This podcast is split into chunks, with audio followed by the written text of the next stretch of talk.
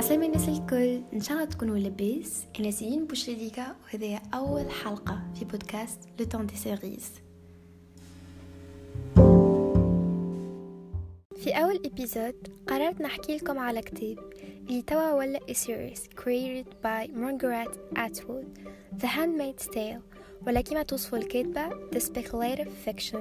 معناها قصة تحكي على أحداث تجم تصير. والأحداث هذيا تنجم تكون negative means dystopian ولا positive means utopian. سواء كانت القصة positive ولا negative ديما يحكي ويناقشوا على political issues من جهة ال utopian writing. كلمة جاية من utopie تناقش في المدينة الفاضلة. On the other hand, dystopian are sort of warnings للسوسايتي تحاول تفيقها إنها تنجم one day تلقى روحها on the edge of the path of destruction.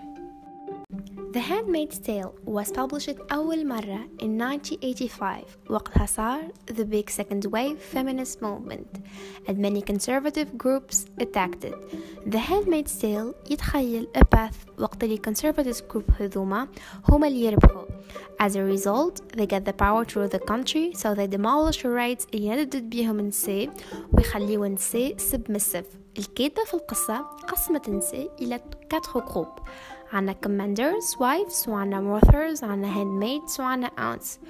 واللي quatre groupes هذوما الكل ما عندهمش الحق لا باش يقرا ولا حتى باش يتحركوا وحدهم.